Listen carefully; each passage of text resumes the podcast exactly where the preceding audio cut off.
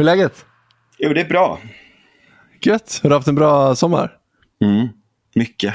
Det, bör, det börjar ju liksom lida mot sitt slut nu. Ja, det gör ju det. Men det, och det har, varit, det har ju liksom bara varit regn i princip här. E- Eller hur? Det har varit så jävla tråkig sommar. Ja. Alltså inte, inte så, alltså jag, jag har haft en, en väldigt bra sommar, men liksom vädermässigt och den här sommarsommaren har man inte riktigt fått den här Mm. sommaren. Det har ju varit helt sjukt. Mm. Alltså, och då, alltså grejen är att när det är sådana här somrar så vill man ju gärna göra någonting annat då. Alltså typ kolla på film eller typ läsa en bok eller någonting sånt där. Ja. Och det är typ det jag har ägnat mig åt den här sommaren känns som, förutom när jag har jobbat då. Mm. Eh, och ibland typ så, här, så, så känns det som att här, under en viss tid så är det som att här, vissa saker eh, upprepar sig på något vis. Och så börjar man se ett mönster, en liten här röd tråd genom här, flera olika saker som händer. Och kanske man läser en bok eller man ser en film eller någonting sånt där. Och så märker man typ ett litet, litet tema som upprepar sig, du vet. Har du varit med om det någon gång? Mm. Och så bara så här, måste man bara fundera på det. Bara så, varför reagerar jag på det här? Vad är, vad är det jag liksom vad är det jag ser i det här? Och vad, vad är det, liksom, det, det är som att någonting försöker typ kommunicera med en. Vad är, vad, vad är, det, som, vad är det här för någonting? Så jag har liksom suttit ner och funderat lite grann. Eh, och Det började egentligen med att jag såg Skamlös på SVT Play. Har du sett den? Nej. Har du inte det? Nej.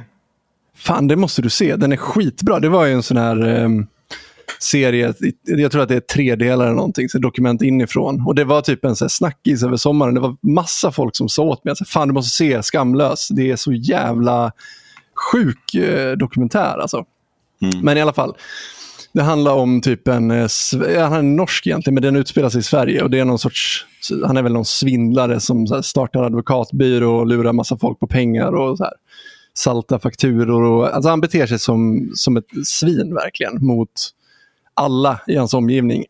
Med typ ett enda syfte och det är liksom att tjäna så mycket pengar som möjligt. Mm. Och Grejen är så här, det jag slogs av när jag såg, för de intervjuar ju huvudpersonen då, Rickard, den här norrmannen. Och det jag slogs av hos honom var på något sätt hans så här, totala övertygelse om sin egen förträfflighet. Alltså han, han är så här uppfylld av sig själv att han, han kan inte längre se att han skulle ha gjort något fel eller någonting omoraliskt. Trots att han liksom har han har lurat så mycket folk. Alltså. Och, och det är just exakt den här grejen. Alltså, I det här avsnittet, i, det sista avsnittet av serien, så sitter han liksom i fängelse eh, åtalad för att ha våldtagit en kollega. Mhm. Och jag tänkte vi skulle lyssna lite snabbt på ett klipp. Jag har klippt ihop två stycken sekvenser från eh, intervjun när han sitter i fängelset här, så man bara får en liten känsla av exakt vad det är för typ av person man har att göra med. Jag skickar den till dig. Är det bra? Det är bra. Ja, det, Och du då? ja, det är jättebra. Jajamän. Men du, fängelse. Ja. Vad, vad tänker du om det? Det var inte som att man förra gången möttes ju på slott. Så är det ju va. Jag hade väl inte heller tänkt oss att vi skulle ses här nästa gång. I och för sig. Men det... Liksom jag ser det mer som att, ja ja okej. Men jag tar det som, det kostar att ligga på topp liksom. Ett excentriskt levande i Sverige i alla fall medför vissa risker. Men det som många har varit väldigt mått dåligt över är ju liksom klienthantering och sådär. Att många har upplevt att de har lurat klienterna. Ja, jag kan, över det. ja, jag kan mycket väl tänka mig att vissa kan ha upplevt en sådan situation. Utan tvekan, men det betyder ju inte att det är på det sättet. Alltså, folk kallar ju dina verksamheter för bedrägeri. Ja, folk kallar, kallar det för terrorism också. Faktiskt. Men eh, jag instämmer ju inte och jag tror väl att vi kan konstatera att det är ju redan prövat av eh, ja, utredande instanser. Har ju kommit fram till att det här finns ju inget olagligt med det här överhuvudtaget ju. Spännande lirare. Vilken Men det är jävla liksom det- attityd. Ja, verkligen. Och det är liksom så här, det är inte bara det att han så här skyddar sig bakom, bakom lagen och tror att så länge han förhåller sig till, till den på något vis så har han inte gjort något fel. Liksom. Nej. Eh, och det är ju ganska konstigt i och för sig då, eftersom han sitter inne för våldtäkt. Men det här är ju ett så här typiskt utmärkande drag hos narcissister. Att liksom de har en så här sjukt överdrivet positiv självbild. Man ser sig själv som exceptionell och helt felfri och så här beundransvärd. Och för att liksom på något sätt bevara och skydda den här självbilden så, så bagatelliserar man eller, eller förnekar alla eventuella brister som, som skulle kunna utmana den här självbilden. Det, det är liksom ett beteende som jag har sett liksom i, mitt, i mitt liv den senaste tiden och dykt upp. Och Det blev väldigt tydligt med den här Rickard. Då. Sen såg jag en annan film som lite grann var på samma tema. Har du sett, har du sett Tar? Nej. Nej, jag tänkte väl det. Jag, jag tror jag skrev till dig för några dagar sedan och bara, du måste se den här filmen, men jag tänkte att du kanske inte hade hunnit göra det än. Men, men den tar upp ett lite, skulle jag säga, liknande tema, fast på ett annat sätt. Alltså den gör det på ett väldigt mycket mer subtilt och eh, mer sofistikerat sätt. Um, mm. Och nu kommer det bli, alltså det kommer bli lite spoiler av den här filmen, så att, eh, du får lite skylla dig själv att du inte har hunnit se den. Och mm. De andra som, inte, som hör det här, då, de, alltså den kom ut förra året, så man får skylla sig själv om man inte har sett den. Men, men den handlar i alla fall om en fiktiv kompositör slash dirigent som eh, alltså hon befinner sig liksom i den absoluta toppen i sitt skrå. Alltså hela filmen börjar med att gå igenom hela, hennes CV. Och det är rätt eh, rejält. Och man märker det här på själva huvudkaraktären Lydia Tarr. Då. Tarr heter filmen, Lydia Tarr heter karaktären. Hon spelas av eh, Kate Blanchett, eller Blanchett, jag vet inte hur man uttalar hennes namn. Mm. Men, men hon är i alla fall en sån här sjukt duktig och professionell person som, som tar sitt jobb på största allvar. Hon är liksom crème de la crème. Mm. Och, och en intressant grej som, som etableras tidigt i filmen är att Lydia Tarr lägger stor vikt vid att separera sin identitet från sin, sin konst och sin professionella, liksom, sina professionella kvaliteter. Och Hela filmen börjar med en intervju med The New Yorker när hon sitter på en scen framför en stor publik och får frågan, jag minns inte exakt hur den är formulerad, men hon ställs liksom inför det här faktumet att hon är en, en kvinna som har tagit sig upp till toppen.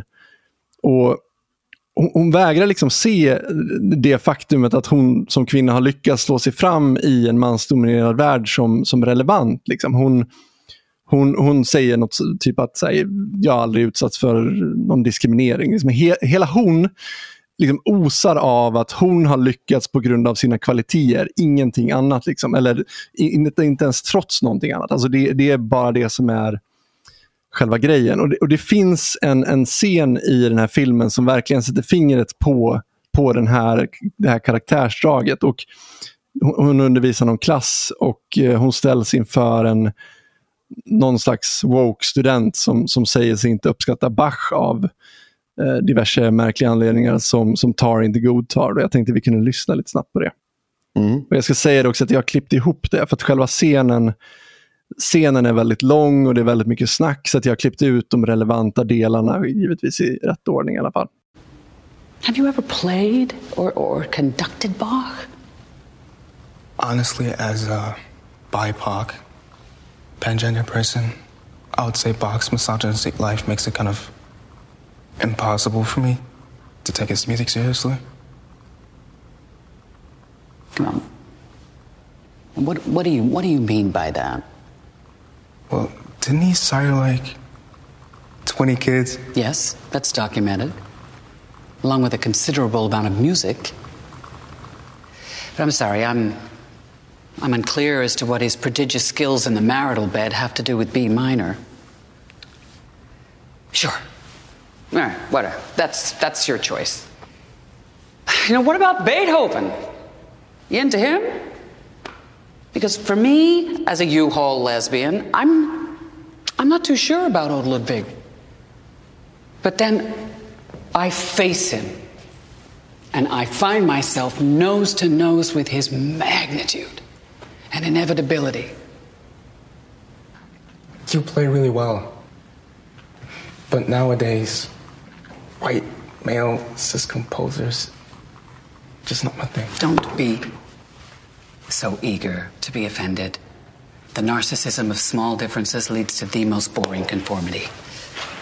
The The problem with enrolling yourself as an ultrasonic epistemic dissident is that if Bach's talent can be reduced to his gender, birth country, religion, sexuality, and so on, then so can yours. Ja, eller hur? Ja. Och grejen är att det visar sig att, att någon har smygfilmat den här, det här mötet då, eh, i den här klassen. Och klippt ihop det fult så att det verkar som att hon säger saker som hon inte riktigt säger. Vilket leder till att hon, hon, blir, hon blir cancelled senare i, i filmen. Ja. Och hon förlorar alla sina, sina prestigefyllda uppdrag och verkligen rasar ner från toppen. Och det är egentligen, alltså det är inte bara på grund av den här incidenten, utan det är massa andra grejer också som är med i det där. Men, men grejen är att liksom, om man bara lyssnar på det här, alltså man, man håller ju med henne, gör man inte det? Jo, gud ja. Alltså det är så... Det är ju liksom, någonstans är det ju extremt irrelevant att prata om konstnärens liksom, moraliska karaktär eller identitet. Och det här har vi pratat om i podden förut, men, men bara för att liksom, ta upp det igen då. Det relevanta är ju att prata om själva konsten. Och det här är ju egentligen inte för att göra själva konstnären en tjänst. Liksom att, för det gör, ju, oss- det gör ju alla lite fattigare om Liksom, för det skulle i praktiken innebära att konsten bedöms på helt andra grunder än dess kvalitet, vilket gör att det finns en stor risk att, att den främsta konsten selekte, selekteras bort av fel anledningar. Och Det är egentligen, det är, det är egentligen den här, samma anledning till att man är emot kvotering till exempel. Man vill ha rätt person på rätt plats. Och liksom, vi måste liksom ha de idealen att sträva efter, även om inte kanske alltid Även om det kanske inte alltid blir så bra, så är det ändå ett ideal som vi måste ha och sträva efter. ja. Men, men grejen är att så här, här, här kommer liksom twisten då. Och det är det här som är så snyggt med den här filmen. Att under filmens gång och kanske framförallt efter att hon har blivit cancelled så, så kommer det fram då att den här Tar inte riktigt är den som hon utger sig för att vara. Då, utan hon, hon lägger enorm vikt vid identitet. Och det här visar sig på väldigt subtila och ibland, eh, alltså grejen att hon, hon, hon, hon säger ofta en sak. Alltså, all, varje dialog hon har, så när hon pratar så, så framför hon det här. Men man ser hela tiden, särskilt när man ser filmen en andra gång, vilket jag gjorde häromdagen, så ser man att hon, hon agerar på helt andra sätt. Mm. Eh, och Det kommer fram sen att hon till exempel har förändrat sättet hon pratar på, hennes sätt att föra sig. Hon har liksom byggt upp en hel persona för att passa in i den här bilden av den här upphöjda personen som hon vill framstå som. Hon har liksom odlat en myt om sig själv. Mm. Och det är ju för sig, alltså det är ju inte någonting man kanske förtjänar att bli cancelled över. Men hon är ju ganska hycklande i det här då. Och hon har även använt sin position för att knuffa undan folk och lyfta fram andra människor som hon kan ha ett sexuellt utbyte med. Som givet den statusen hon har då så och, och de här människorna liksom, de är ju beroende av henne så det blir ju ganska problematiskt. Liksom. Och I ett fall så har hon till och med gått så långt så att hon har själv cancelat ett, ett ex till henne eller, någon, eller en sån person som hon har haft något form av förhållande med i alla fall. Liksom, Och den här personen är en, en framstående musiker. Alltså hon, man, det kommer fram i filmen att hon är verkligen skitduktig. Men på grund av att de haft en relation så, där, så, så har hon eh, alltså hon har i princip förstört den här personens liv. Alltså hon har hört av sig till till eh, andra arbetsgivare inom den här branschen och sagt liksom, anställ inte henne, det, det är något fel på henne. Liksom. Och hon har liksom tagit det så långt så att till slut så begår den här personen självmord under filmen. Liksom. Mm. Så den här idealet då som hon försöker leva upp till, att, att se till kvalitet istället för identitet, det ringer väldigt falskt. Och det blir snarare någon sorts... Alltså det blir, det blir ett sätt för henne att, att förflytta fokus. Alltså hon höjer upp det här idealet för att förflytta fokus från att hon själv använder id- identitet som ett maktmedel när det passar henne. Och den här imagen då hon odlar, odlar liksom om kvalitet blir som en så matta som hon kan sopa all smuts under så att folk inte ser vilken skit som egentligen döljer sig i den här karaktären Lydia Tarr. Då.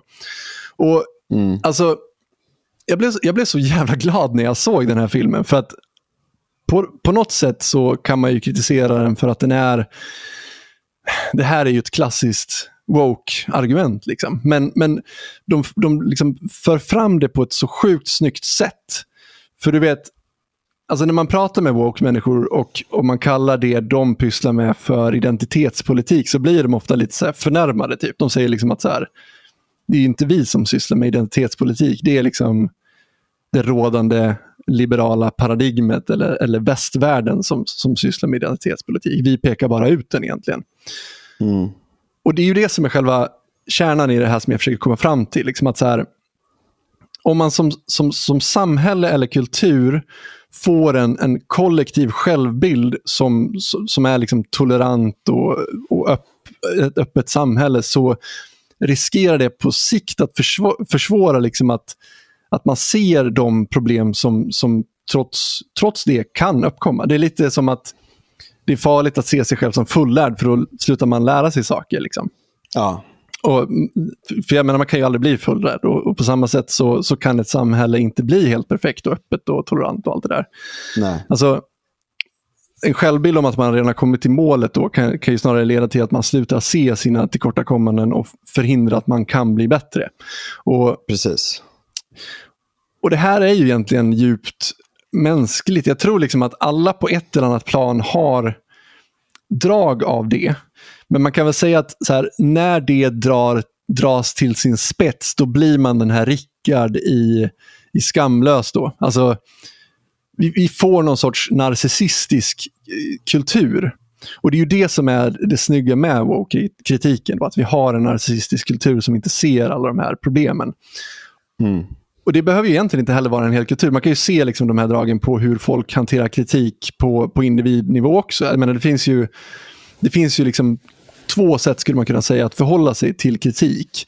Alltså Antingen mm. ser man den som en möjlighet att, att bli bättre och det är ju någon sorts sunt förhållningssätt. Eller så ser man det som en attack som måste avvärjas till varje pris eftersom det är, liksom, ja, men det är den här förträffliga självuppfattningen då som, som blir hotad. Ja. Och, och ett sätt för, som jag har upptäckt, för en, en narcissistisk kultur, som jag skulle vilja kalla den, att skydda liksom den här egna identiteten och självbilden är att gå till angrepp mot den personen som kommer med kritik. För det blir ju rätt talande. Liksom. Om du själv upplever att, att kritik som framförs är ett hot och ett angrepp så blir det ju rationellt att angripa kritiken på samma sätt. Alltså man, man upplever liksom att man har redan sjunkit till den nivån att personangrepp blir legitima. Ja. Um, och det här kan man ju applicera på alla möjliga. Liksom. Men, men jag har funderat rätt länge över svensk media och eh, journalistiken. Att jag har väldigt länge upplevt det som att så fort den kritiseras på något sätt så, så blir det liksom direkt att jämföra med typ mord på journalister eller liksom det trummas igång att liksom kritiken egentligen har några så här dunkla, gärna fascistiska avsikter och att media på något sätt är en, en grundbult i den svenska demokratin och om den ifrågasätts så står det inte på förrän vi liksom ja, men typ spikar upp dödsläger och så vidare. Mm. Och det är precis det jag skulle vilja säga är just en, en narcissistisk kultur. Man ser sig som exceptionell och beundransvärd och för att bevara och skydda den här själv, självbilden så antingen bagatelliserar man eller förnekar alla eventuella brister som, man skulle kunna, som skulle kunna utmana den egna självbilden eller så går man till frontalangrepp mot kritiker. Mm. Och, och Det här blev ju väldigt tydligt häromveckan när Lena Andersson, som hon tydligen gör nu för tiden, hon försvinner iväg. Hon har ju inga sociala medier eller någonting, så hon är ju totalt tyst i typ ett kvartal och sen dyker hon upp som gubben i lådan och eh, river igång något som får folk att balla ur fullständigt. Läste Mm. du hennes krönika den här gången? Ehm, nej, jag... Eller jo, alltså jo. Det, är ju- du menar den om... eh, eh, när hon skrev där om, om sommaren och så. Ja, precis. Hon kritiserar Ja. ju eh, klimat, eller Ja. kli- kritiserar väl media generellt för att klimatrapporteringen Alltså hon tycker att den har blivit för okritisk och ensidig och liksom Mm. att allt som händer tolkas in som att orsaken är given och att det är liksom och även det här jävla domedagstrummandet som, som hon menar då inte är så konstruktivt. Och jag vet inte om vi ska läsa upp vad hon har skrivit. Jag, vet inte, jag tänker jag skiter i det. Alltså folk kan väl läsa det själva. Nej, ta det. Ta det.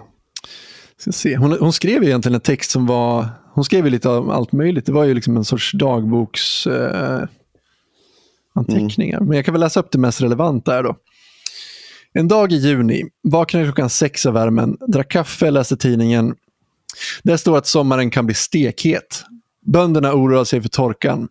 I min ungdom var det, kvälls, var det bara kvällspressen som halvt på skämt tog in spågummor för- semestervädret. Och sen handlar det om massa annat skit. Och sen skriver hon, en dag i juli, knappt en dag över 20 grader. Förut hette detta tillstånd svensk sommar. Men när spådomarna slår fel finns det alltid Medelhavet. Det randas en framtid som, som icke är. Dit reser jag nu. I akt och mening att känna samma värme som de gamla grekerna när de klev i land på sin sicilianska koloni. Medierna utlovar 48 grader. Det håller sig kring 35. Hotellpersonalen kallar det normal sommar och förstärker det med, det latinska, med den latinska gest som betyder att man inte ska hetsa upp sig. Mungipor neråt, axlar uppåt, handflator utåt. De borde vara försiktigare så att hotellet inte råkar ut för bojkotter på grund av dessa tecken på klimatförnekelse. I den svenska morgontidningen är minst en hel sida per dag avsatt för medel, medelhavsvädret. På väg att bli obeboeligt. Går inte att vara ute. På stadens gator kryllar det av folk. Tidningen lovar 48 grader nästa vecka istället. En dag i juli. Hemma igen. Grått och ostadigt. Gick upp klockan sju, drack kaffe, läste tidningen. Somrarnas extrema väder är människans fel. Alldeles som i en djuren och naturens egen konspirationsteori. En främmande grupp har för att sko sig tvingat på alla andra sin ideologi. Historiens ackumulerade växthusgaser framställs som en extravagans. En stötande obetänksam lössläppthet. En lyx i nivå med, med de uttråkade klassernas dekadenta krossande av champagneflaskor. Så ser man alltså på hårt arbete, framsteg och välståndshöjning för flertalet. Något fraktigt som skulle ha undvikits om förståndet varit större. En återkommande formulering är den om hur vädret och temperaturen skulle ha varit utan människans utsläpp av koldioxid. Hur då utan? Referenspunkten utgörs tydligen av ett idealtillstånd före industri- industrialiseringen, där man drog oxar över torvan och kardade ull för eget bruk. Vilket sorgligt samhälle som hatar människans storhet att hon beklagar sina triumfer. Krälande i stoftet ber de om ursäkt inför generationerna som lever allra högst på triumferna. Man tycks på allvar tro att medic- medicinska och tekniska framsteg är möjliga utan, utan övriga landvinningar, utan handel, konsumtion och materiell strävan. Att producera för livet, livets nö- nödtorft räcker. Ja, det är väl i stort sett det här. Då. Alltså hon raljerar över mediernas bild av det här helt enkelt. Och Man kan ju se hur företrädare för den svenska journalistkåren har reagerat på det här.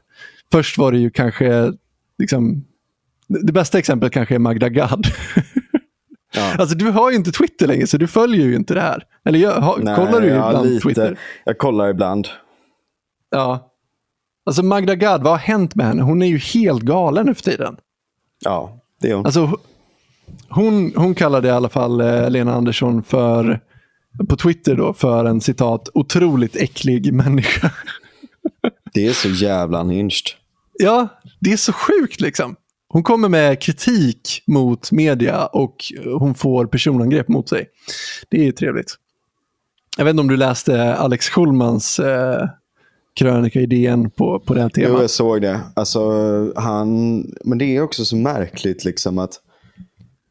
Alltså, det, det, det är som att det finns... Det är ett gäng där liksom av människor som bara har totalt eh, tappat det. Liksom. Ja, jag har faktiskt saxat lite grann det han skrev. Jag tänkte läsa upp det. Ja. Eh, han skriver så här, citat. ehm, jag, jag kommer inte läsa upp allt, bara saxat lite grann. Den krönika som författaren Lena Andersson gavs utrymme att publicera på Svenska Dagbladets ledarsida i helgen markerar därför något nytt. De konspirationsteorier som hittills bara torgförts av förvirrade Sverigedemokrater på Twitter har härmed fått nya finare hem. Lena Andersson har semestrat på den del av Sicilien som inte brunnit och menar därför att extremhettan inte ägt rum. Så går det till när man försöker klä sin klimatförnekelse i logik. Ja ja, det är helt sjukt. Ja. Men, men, den, men liksom mest intressant var ändå, tyckte jag, att, att läsa Peter Wolodarski. Han skrev ju typ en vecka senare. Ja, det läste jag också. Du gjorde det? Ja. Jag har faktiskt saxat lite grann här det han skrev också. Eh, för att jag orkar inte ta med allting. Men, eh, han skriver så här. Men Lena Andersson säger vad hon tänker och skriver vad hon menar. Hon behöver ingen disputerad uttolkare. Hon har heller inte bett om den kör av företrädelsevis manliga skribenter som varje gång hon säger något uppseendeväckande försöker förklara vad hon egentligen, att hon egentligen menar någonting annat. Jag har genom åren haft stor behållning av att läsa Lena Andersson, inte minst här i DN. Men ibland glider hennes hypotesprövning över i det extrema. Lena Andersson vederlägger med sina texter tesen om att kontroversiella uppfattningar inte tillåts i den svenska offentligheten. Men det är avgörande att skilja mellan åsikter och kunskap och när hypoteser upphör att vara järva och i själva verket är tokerier. Det är en medial sjuka i vår tid av massiv desinformation som Trump-åren och sociala medier bidragit till, att reducera allt till en debatt. Mediers uppgift är inte bara att guida eller balansera mellan olika inlägg. Det är att fungera som organ för kunskap så att medborgaren lättare kan verka i demokratin. Och hennes senaste insinuationer om att medierna tycks längta efter extremväder ligger också dem nära en konspiration. Sådana tankar är möjliga att yttra i Sverige, men de bidrar samtidigt till att så tvivel om såväl journalistikens uppsåt som om själva klimatforskningen. Och när det sker i inlägg efter inlägg märker man avsikten. Mm. ah. Alltså det är, är det inte uppenbart i den här texten att, att Wolodarski ser medierna som någon slags sanningssägare som är en, en garant för demokratin? Mm. Och det är ju det här som är, liksom, jag var inne på det lite tidigare, det är det här som är den fina skillnaden. Liksom.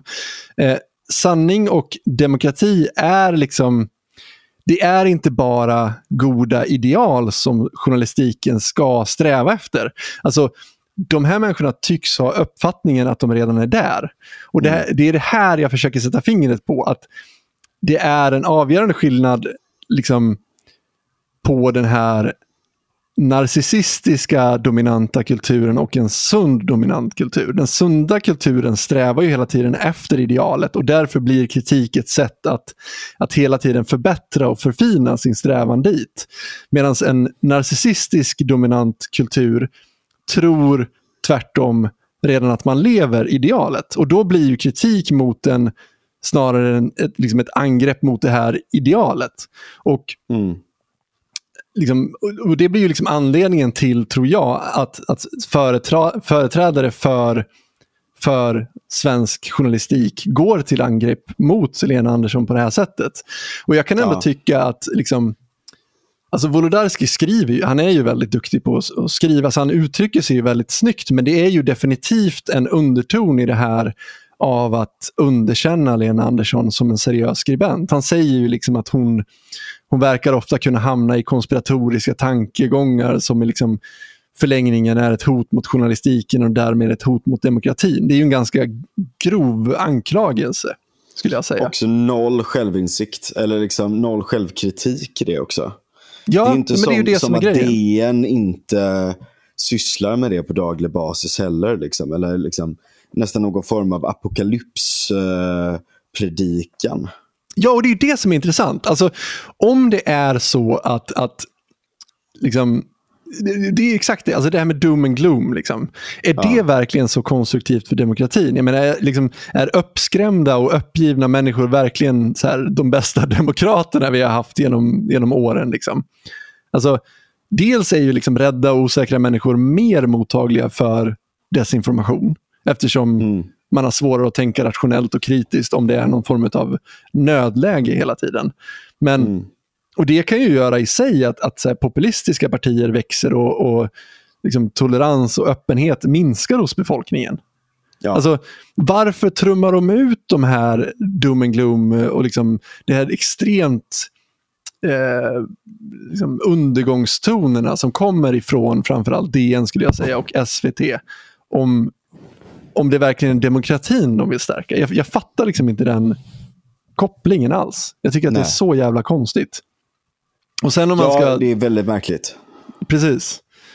Men sen kan man ju fråga sig också, han nämner ju det här med Trump-åren och sociala medier. Är det verkligen de som har reducerat allt till en, till en debatt? Alltså bara för att göra en liten avstickare från själva temat. Alltså, Mm. är det inte det liksom vad hela postmodernismen håller på med? Alltså, och det, det är ju faktiskt någonting som Lena Andersson poängterar i sin text, det tog jag inte med, men hon efterlyser en diskursanalys på, på liksom klimatrapporteringen. För att det är ju en, en, stor, en stor berättelse som, som det finns Mm. någon form av makt i. Liksom.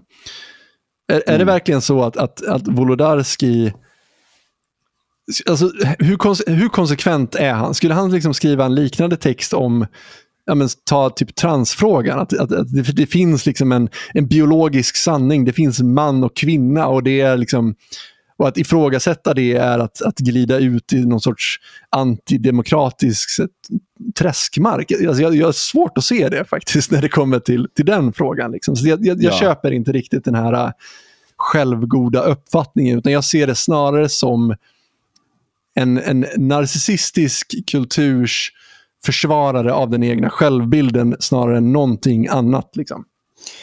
Ja, alltså jag vet inte riktigt om man... Man måste nästan se det här från ett religionspsykologiskt perspektiv skulle jag säga. Ja, kanske. Eh, de, de, det finns liksom någon form av, av statskyrka i Sverige som, som är liksom, ja, men lite så här postprotestantisk, socialdemokratisk eh, och eh, myrdalsk på sina, sina håll och, och allt möjligt Mm. sånt där också som nu även har fått liksom den här miljögrejen och klimatgrejen runt sig. Liksom. Och jag, jag tycker också att miljö och klimat är jätteseriösa frågor.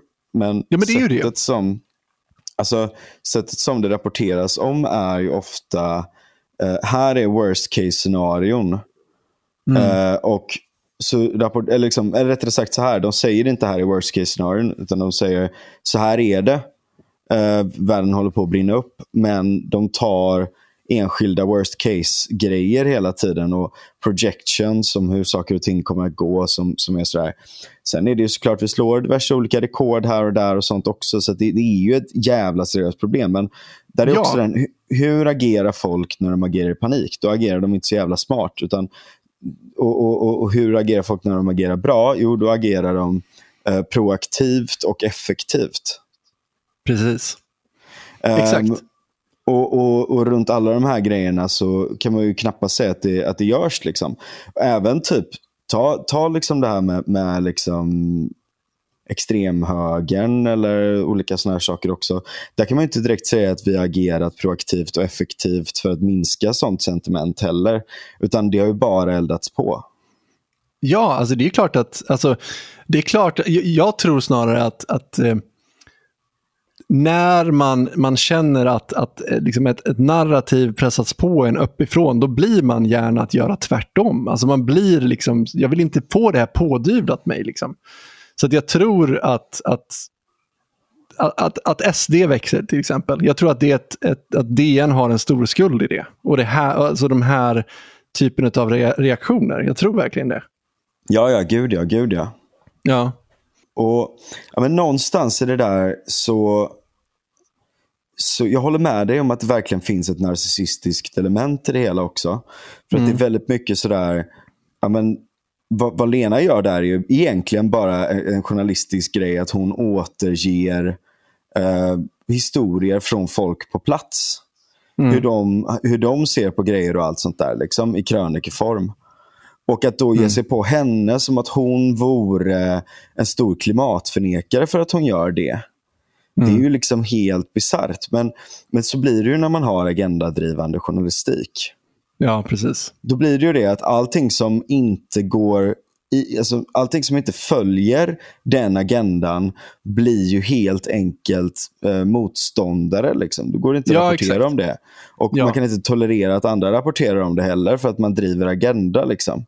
Mm. Ehm, och Det är ju samma sak om man kollar, kollar på Socialdemokraterna. Eller, jag menar så här, eller det gäller väl alla politiska partier. Det, gäller, och det, det är verkligen, det här är inte bara driver, liksom, man kan inte bara applicera det här på vänstern heller. Man kan säga Nej, att nej, högern, nej. Gör, högern gör samma sak och i viss mån kanske det är en ganska naturlig mänsklig sak.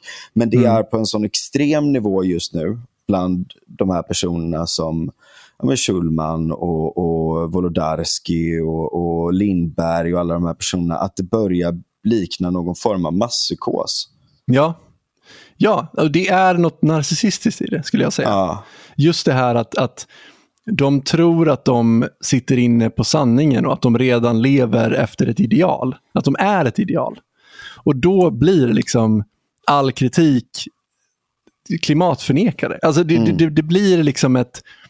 Alltså ifrågasätter du dem så ifrågasätter du sanningen. Liksom. Och det är så jävla way out. Och det, det, det är därför jag ofta, alltså så här, jag tycker att, att woke-människor ofta kan ha väldigt bra, välriktad kritik. Det är jag extremt öppen för att, att, att höra på. För det är, ju det, det, är ju, det är ju extremt viktigt att ta till sig. Sen håller jag ju sällan med om deras lösningar, att de vill liksom vända upp och ner på hela samhället och allting sådär. Det kan man ju diskutera. Men, men själva kritiken som sådan är ju, är ju ofta väldigt bra. Mm. Och det var därför jag gillar TAR till exempel. För att kritiken som framförs i den är väldigt bra. Frågan är ju bara vad vi ska göra med den kunskapen. Hur kan vi bli bättre då? Mm. Det är det som är det intressanta att diskutera. Men det är liksom som att, jag vet inte, det, det kanske går in lite grann i det här vi pratade om tidigare. Att, att liksom, man, man vill sitta på det här problemformuleringsprivilegiet på något vis. Att, att det kanske är det.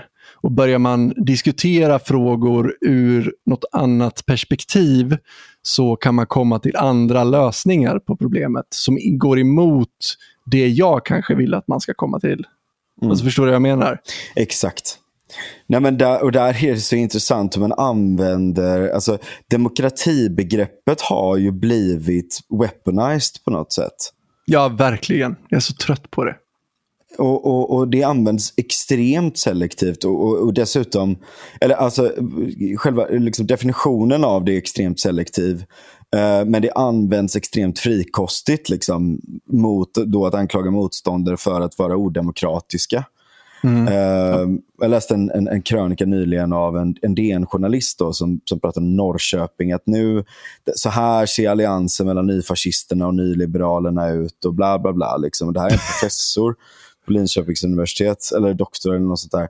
Vänta, en Eh. allians mellan nyliberaler och nyfascister? Ja, och vad som har hänt då är att Norrköping har sagt att så här, vi kommer att lägga ner de här nämnderna eller vad fan det nu är, liksom, bidragskranarna till kulturlivet. Liksom, och, istället lägga det under event och eh, tillväxt.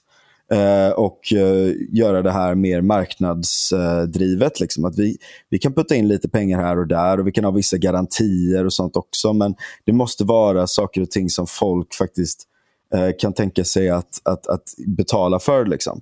Och Då kan ju en vän av demokrati säga så här, eh, det här låter jätterimligt. Eller så kan en vän av demokrati säga, nej men det här är helt fruktansvärt. Eftersom att vad, vad, vad det här i praktiken innebär är att vi inte kommer ha någon fri kultur. Men, men vad det har varit tidigare är ju i princip, alltså du har ju en extrem när du kollar på hur kulturbidrag ges ut och sånt där, så är det väldigt konstiga processer. Det är väldigt ofta, och det här gäller ju även forskning och sånt där också, att man Ja, måste ja. visa hur det stärker integration eller hur det bidrar till perspektiv på miljö. Alltså alla de här heliga eh, pelarna på något sätt. Liksom. Hur bidrar det till de här grejerna som är de heliga pelarna i vår statsreligion? Liksom? Eh, Ja. I vår statskyrka. Och dessutom så har du liksom, eh, diverse föreningar, och det ena och det andra och det tredje också, som det här går, som pengar gå till på det här sättet. Och sånt, liksom.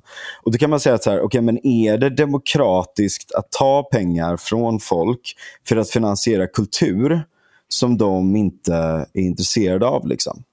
Ehm, och, och där, där kan man ha lite olika svar. Och, och jag, jag skulle säga att så här, jag har inga problem med att ge pengar till exempel till att bevara eh, du vet, eh, gamla museum eller kyrkor eller olika såna här saker. Just för att det är ett, ett gemensamt kulturarv. Ja. Men vad, vad, vad, vad det är, är ju att man liksom på något sätt förvaltar en del grejer att få vara kvar som kanske inte är jättelönsamma, men som betyder mycket för att det, det, det är liksom historien om var vi kommer ifrån rent kulturellt i Sverige. Sådär. Ehm, Sen tror jag att det hade kunnat skötas eh, av privata stiftelser eller som folk hade kunnat donera till eller vad fan som helst också. Liksom. Så det, jag tror verkligen inte att det är ett så stort problem. Men, men, men Ja, någonstans men givet att vi har skatt så, ja precis. Ja.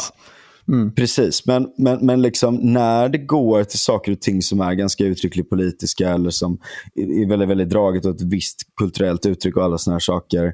Eller, det, eller, eller går till föreningar för vet, så här, etniska föreningar eller olika såna här saker också. Eller religiösa eh, samfund och sådär. Då, då blir det ju på något sätt ganska märkligt. Liksom, för att då, det är inte så att du förvaltar någonting som redan har varit, allt sånt där, utan du proaktivt går in för att pusha på ett, visst uttryck. Vissa Precis. idéer eller ett visst uttryck eller så vidare.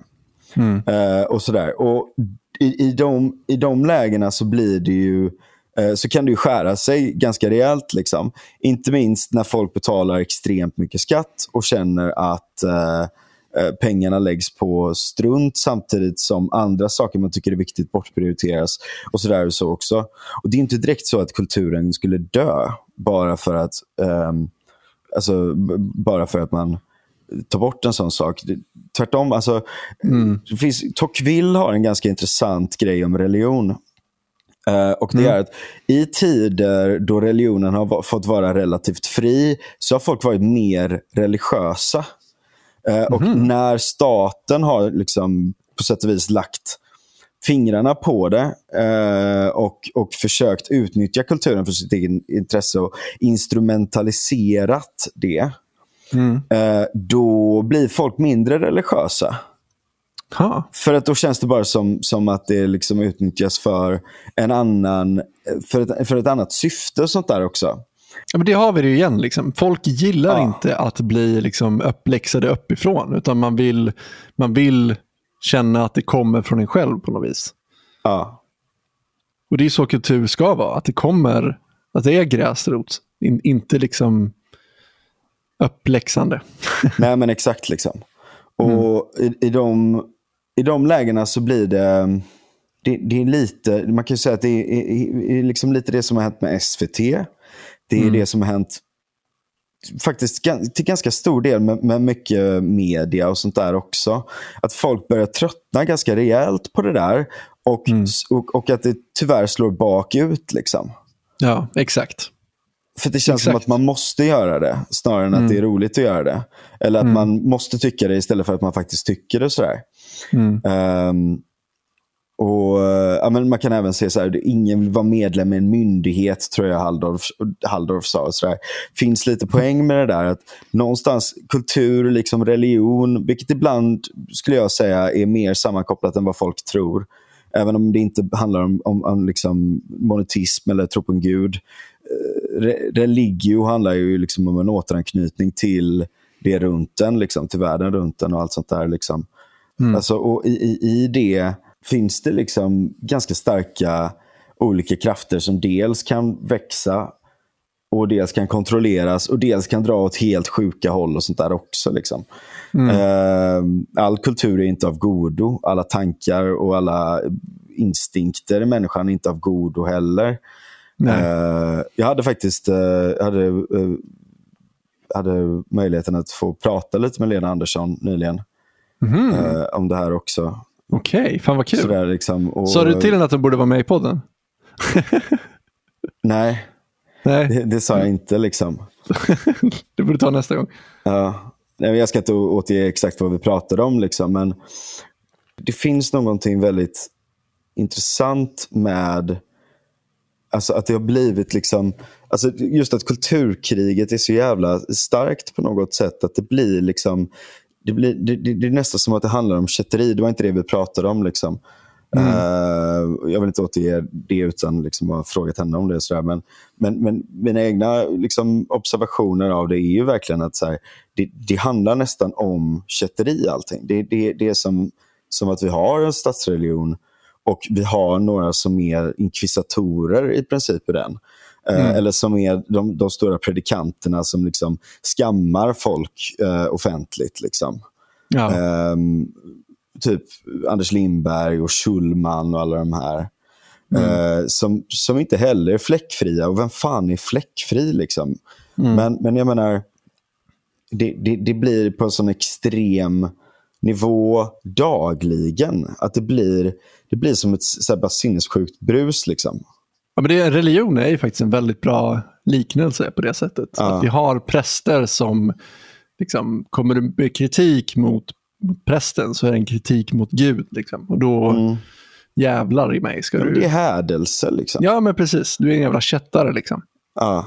Och frågan är om det kommer liksom komma till den nivån att det blir en... Alltså, eller jag skulle säga att det redan är någon form av en parodi på sig självt. Liksom.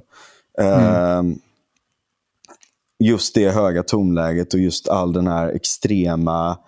Över småsaker också. Man blir så fruktansvärt förbannad över småsaker hela tiden. Liksom. Men just, just eh, begreppet demokrati tycker jag blir jävligt intressant där också. Ehm, jag satt och, in, inför det här så, så fräschade upp mig lite på Platons syn på demokrati och republiken. Ja. Eh, det är lite så här, men backstoryn är väl att Sokrates har dödats av eh, ett demokratiskt beslut. Eh, och eh, liksom, enligt vissa källor så är det för att han var skitjobbig. Eh, eh, enligt Nietzsche så var det delvis för att han var ful också tror jag. Eh, Ja. Nej, men eh, Sokrates dödades för att, eh, eh, enligt de här källorna, för att han, han gick upp till folk och ifrågasatte dem helt enkelt. Sa, okej, men vad menar du i princip? Eller, nu måste du tänka till lite här. Och, och, och tvingade folk att tänka till över saker och så blir folk så jävla trötta på det. Ja, okej. Eh, och bara, men så här, nej men så här är det, håll käften bara. Liksom. Mhm. Eh, så vi, vi kan börja där, liksom. man får dra vilka paralleller man vill. Så Platon började sätta sig och skriva. Då skrev han dels då, här är eh, liksom, den första då, hans, hans syn på demokrati, sen ska vi gå in på hans idealstat. Då. Mm. Det här är ChatGPTs sammanfattning. Jag, eh, Åh, gav, dig, gav ChatGPT dig eh, Platons eh, ord? Ja. För jag, jag skrev ju det till ChatGPT tidigare. Jag efterlyste ju, eh, vad fan heter den? Jag skickade ju det till dig. ja, just det. Och då sa ju ChatGPT att nej, nej, nej, det där är ju liksom, eh, Ja. eh, det där är ju upp, upphovsrättsskyddat. Jag bara, Ja. fan, det var ju tw- 2500 år sedan. Jävla roligt. ah, ja, fuck it. Så står det här då. Flawed nature of democracy. Plato was critical of democracy for being overly permissive and anarchic. He believed it could easily lead to a decline in the quality of leadership and governance. Rule of the ignorant. One of Plato's primary critiques of democracy was the idea that it allowed those without knowledge, expertise, or virtue to have an equal say in governance. He thought that this could lead to poorly informed decisions that could harm the city state. In the mm-hmm. Republic, Plato uses the metaphor of a ship to describe a state. Just as a ship should be led by a skilled captain, so should a state be governed by those with the necessary knowledge and virtue. In a democracy, however, the ship the ship's direction is determined by the crew's collective decision, even if uh, they lack the expertise of navigation. Just det. Plato believed that democracy made states uh, vulnerable to demagogues, persuasive speakers who could sway the masses with emotional appeals rather than reasoned arguments. Such figures could potentially gain power and corrupt the state. Hmm? In the Republic, Plato outlines a degradation of political systems, with democracy being the penultimate stage before tyranny. He saw democracy's emphasis on individual freedom as potentially leading to excessive desires and anarchy. From, hi- from this chaos, a tyrant could arise, promising order and security. Plato was also concerned that democracy emphasized individualism at the expense of collective unity. This focus on personal freedom could lead to conflicts and divisions within the state. The democratic environment, according to Plato, fosters moral and epistemic relativism, where truth and morality are seen as subjective and based on individual opinion rather than objective standards. Ehm, och, och, och här kan man ju se då liksom att det, är hans syn på, på demokrati och det kan man säga är befogade eller mindre befogade orosmoln runt det hela.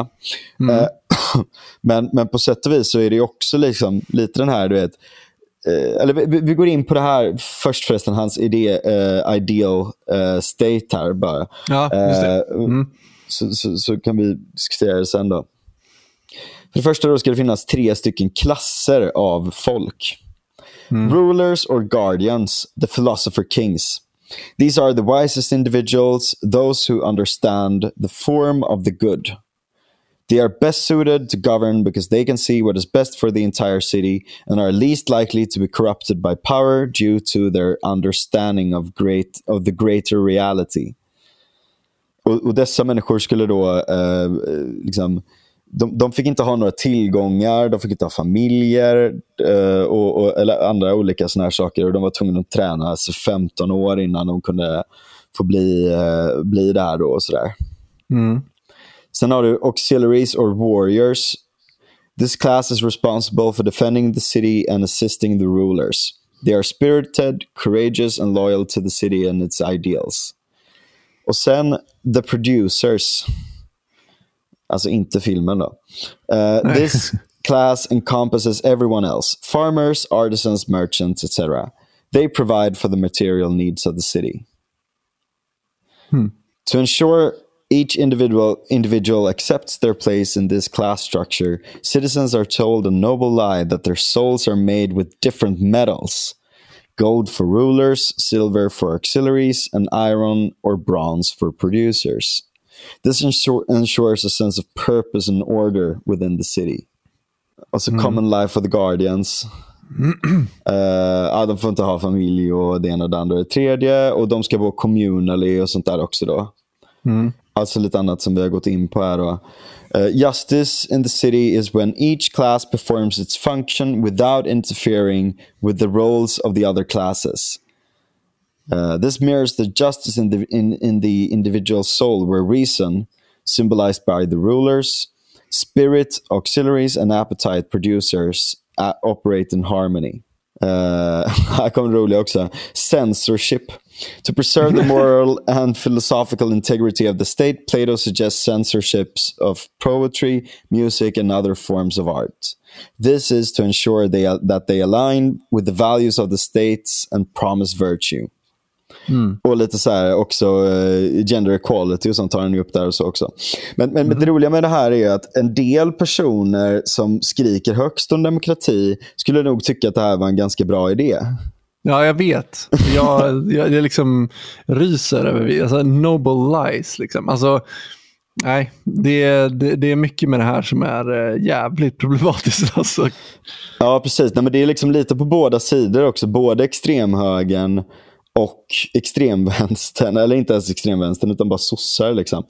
Ja. Eh, som, som nästan går in på de här grejerna. Liksom. Ehm, Noble lies. Ja, det blir ju nog precis. Alltså, och, och, och, och eh, i, i liksom woke-rörelsen så har det blivit den som har, den som har liksom att det är något upp och nervänt eh, kastsystem i princip. Där de som är på botten är de som är på toppen i, i vad, vad liksom man får säga eller sånt där. Liksom. Och I princip så kan man bara reducera woke ner till liksom, den som det är mest synd om har eh, liksom, egentligen störst, får göra störst anspråk på diverse rättigheter. Eh, Ja. Positiva sådana. Liksom. Just det. Ehm, Slav, slavmentalitet. Ja, nej men exakt. liksom. Ehm, men går man vidare då till demokrati, alltså det, det är liksom, man, får dra vilka paralleller man vill av Platon. Liksom. Men han är ju den, en av de första som, som kritiserar det. Och, och det, det, är liksom, det är intressant, tycker jag, ändå att se hur, hur, hur vissa saker ändå får en att tänka på saker och ting som, som sker idag. Liksom.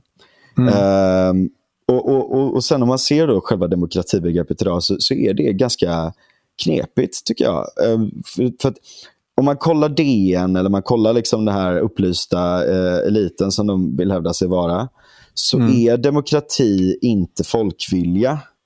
Förutom när folkviljan är på deras sida. Liksom, utan då ska man lita på experterna och allt sånt där. Ja, och jag tycker verkligen att så här, reason, alltså förnuft, har såklart en jävligt viktig roll att spela där. Och Det är väldigt bra att man har vettigt folk på, på rätt plats. Men det har man ju frångått i många lägen till att använda staten som någon form av utjämningsmekanism bara.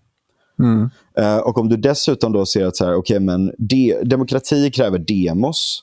Och om du då har en jättestor befolkning som kommer in och börjar kräva liksom, eh, alltså, som inte är majoritet utan fortfarande är minoritet men som börjar kräva en jävla massa saker av majoritetsbefolkningen.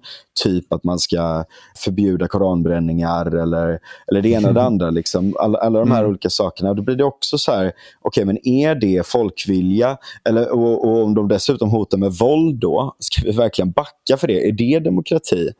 Eh, att, att backa för en sån sak bara för att man är skraj. Eh, och så vidare och så vidare.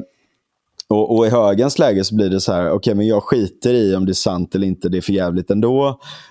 Kan, kan det bli ibland också lite sådär att man, att man går emot all form av klimatforskning, när man går, i, går igenom det ena och det andra och det tredje för att man bara ser ehm, liksom någon form av eh, elitförakt som, som sin, sin grej då. Och då underförstått att, att eliten är typ vänster-woke eh, och sådär.